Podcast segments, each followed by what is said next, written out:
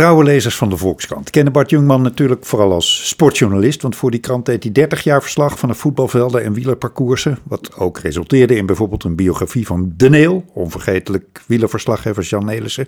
Of de al even onvergetelijke Piet Keizer, de koning van de Amsterdamse linkervleugel. Maar ook een totale geschiedenis van de Nederlandse sport in de sportkanon. Maar dat betekent niet dat Jungman geen oog of ook letters had voor bredere onderwerpen als kunst en levensvragen. En het zou zomaar kunnen dat al die interesses misschien wel samenkomen in zijn nieuwste boek, Luik, een liefdesverklaring. Welkom Bart. Dankjewel. Je moet me eerst iets anders verklaren. Um, ik, ik, lees even de tekst uit de aanbiedingsfolder. Luik is een stad waar je doorheen rijdt. Een geluidswal van flatgebouwen als somber begin van de Route du Soleil... met uitgerookte smeerpijpen en andere industriële staketsels. Nou, als uh, regelmatige bezoeker van de Vogezen... en dan kom ik altijd door Luik... Mm. Uh, kan ik het daar volledig mee eens zijn. Maar ja. ik heb begrepen dat ik iets gemist heb, of niet? Ja, je, je, bent vergeten halt te houden in Luik. en Luik te ontdekken. Ja. Daar gaat mijn boek over. Ja.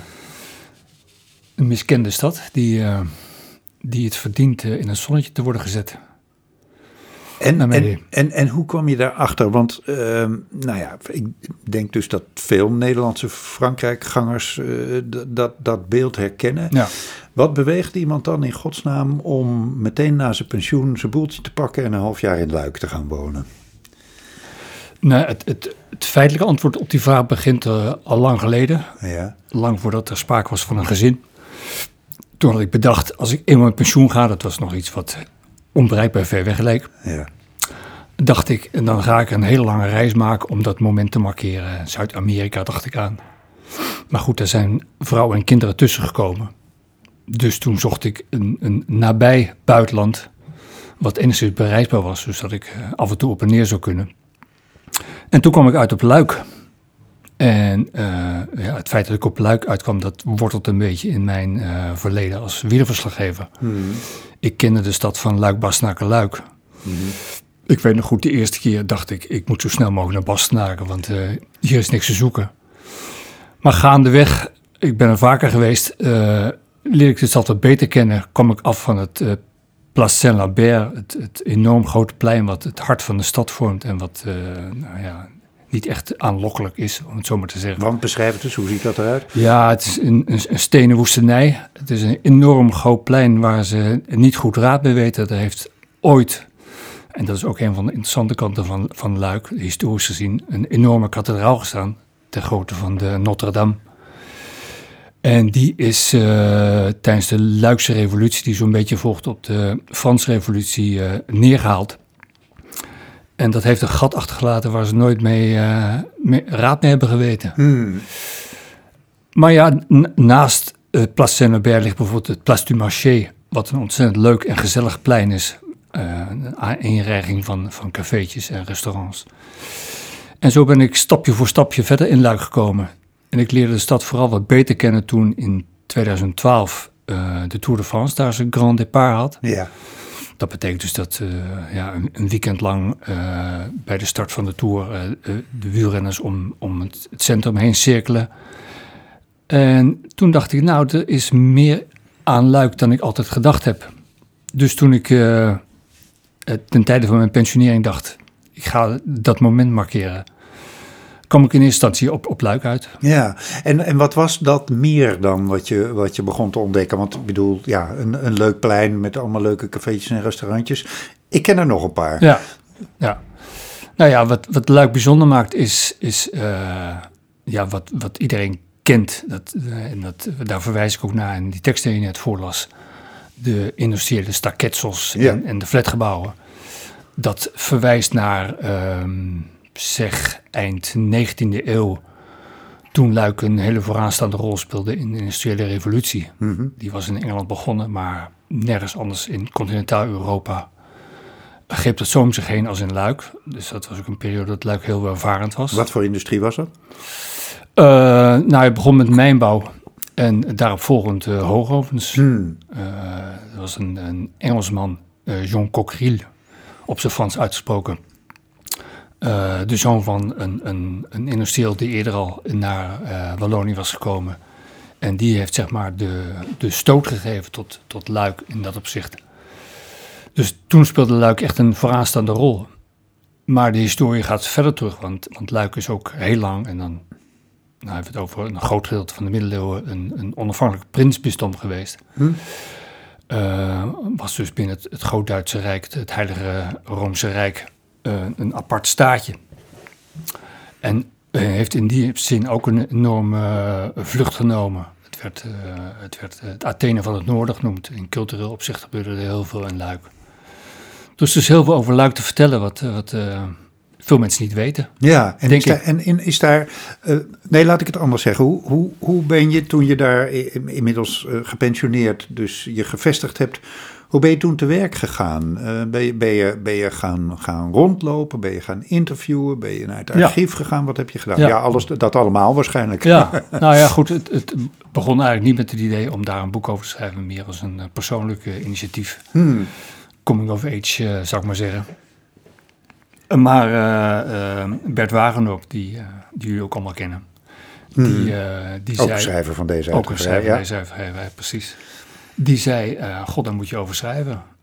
En toen dacht ik, nou ja, ik weet niet of het interessant genoeg is... maar het geeft me in ieder geval een soort richting van wat ik daar ga doen. Mm. Dus ik ben gaan doen wat je net al een beetje opzomde. Ik ben gaan, gaan rondlopen, ruiken, voelen, zien, horen... En uh, vervolgens ben ik allerlei mensen gaan opzoeken die me konden vertellen over wat Luik zo bijzonder maakt.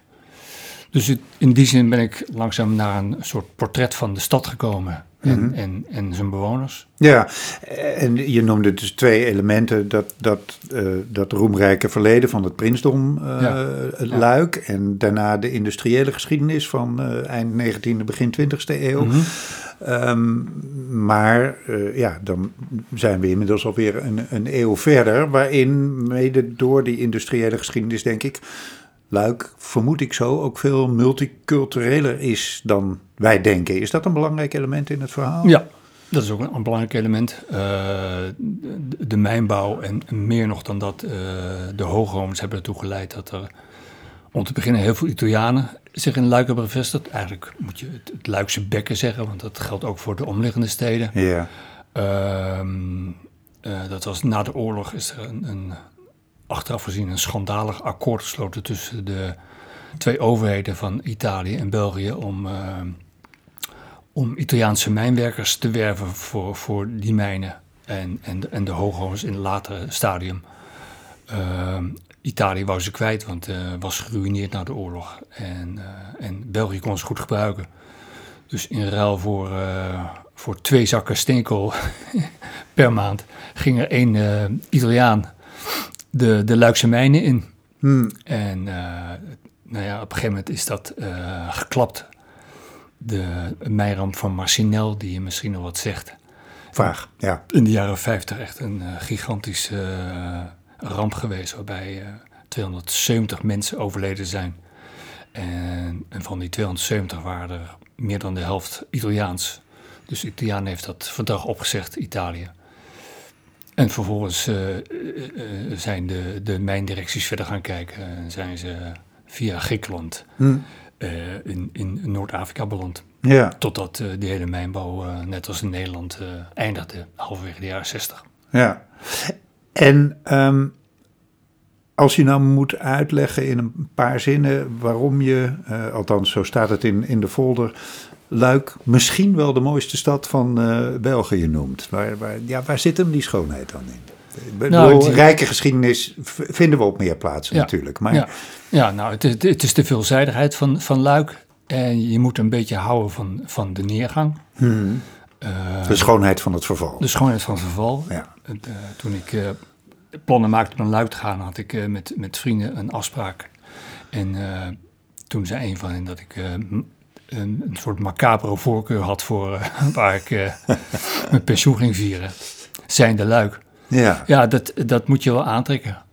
Maar het leuke daaraan is dat, dat Luik zoveel meer is. En dat Luikenaars ook zoveel meer zijn dan dat. Het is een stad die uh, ja, een geschiedenis heeft van, van verval, van, van, van neergang. En een soort vitaliteit om zich steeds weer herop te bouwen. En dat zie je nu ook weer terug. Ja. Die stad is natuurlijk lange tijd getikt geweest door het autoverkeer. En langzaam maar zeker, uh, nou ja, er, de, er, komt een tram. Die zal, als het goed is, uh, volgend jaar uh, gaan rijden. En dat, ja, ik denk dat het ook weer een soort nieuwe renaissance inluidt. Hm? Waarmee Luik ook voor veel toeristen interessant is. Ja. En een van de mooiste stations van de wereld, vind ik zelf. Ja, nou, daarover lopen de mening ook uiteen. Ja, ik vind het prachtig. Ik vind het ook heel mooi, ja. ja. ja, het is wel een stem waar je even aan moet wennen, maar het is, ja. Het is een statement. Ja, dus wat voor boek is het uiteindelijk geworden? Is het een, een soort lange stadswandeling? Is het een reisgids met tips voor mooie plekken? Wat, wat is het voor boek? Ja, dat vind ik lastig om te beschrijven. Ik denk dat ik het, als ik het zou moeten samenvatten in één zin, een, een coming-of-age reisroman uh, zou willen noemen. Want het gaat over mezelf. Ik ben naar Luik gegaan ook om mezelf een beetje tegen het licht te houden. Ah. Zonder dat het nou heel zweverig wordt. Uh, en, en door mijn ogen en, uh, en, door de fase waarin ik misschien verkeer, leer je de stad kennen. Ja. Dus als ik dit weekend niks beters te doen en ik heb twee dagen in Luik, wat moet ik dan beslist doen? Behalve, begrijp ik, gebakt gehaktballen eten? Ja, je moet in ieder geval gehaktballen eten. en misschien ook wel een Luikse wafel. En een café Liégeois. Uh, liefde gaat door de maag in Luik. Ja, ik zou in ieder geval uh, de oude binnenstad gaan bekijken, want dat is het minst bekend. Uh, de, de kerken, de, de kloosters die, die, die er nog zijn. Ehm, en er zijn prachtige wandelingen uitgezet door, door dat centrum. En ik zou, als het even kan, ook even richting uh, Sclessin gaan, waar het stadion van Standard Luik is. En waar recht tegenover een van de prachtigste vervallen over staat. Ja, nou ja, over verval gesproken. Het was, het was de val van Arie Haan, geloof ik, hè? Standaard Luik. En Erik me niet vergis. En Erik Gerrits, goed. Ja. Geschiedenis te over. Ik ga volgende keer stoppen op weg naar de VG's in Luik. Ja. Luik van Bart Jungman verschijnt in april bij uitgeverij Pluim. Dankjewel. Alsjeblieft.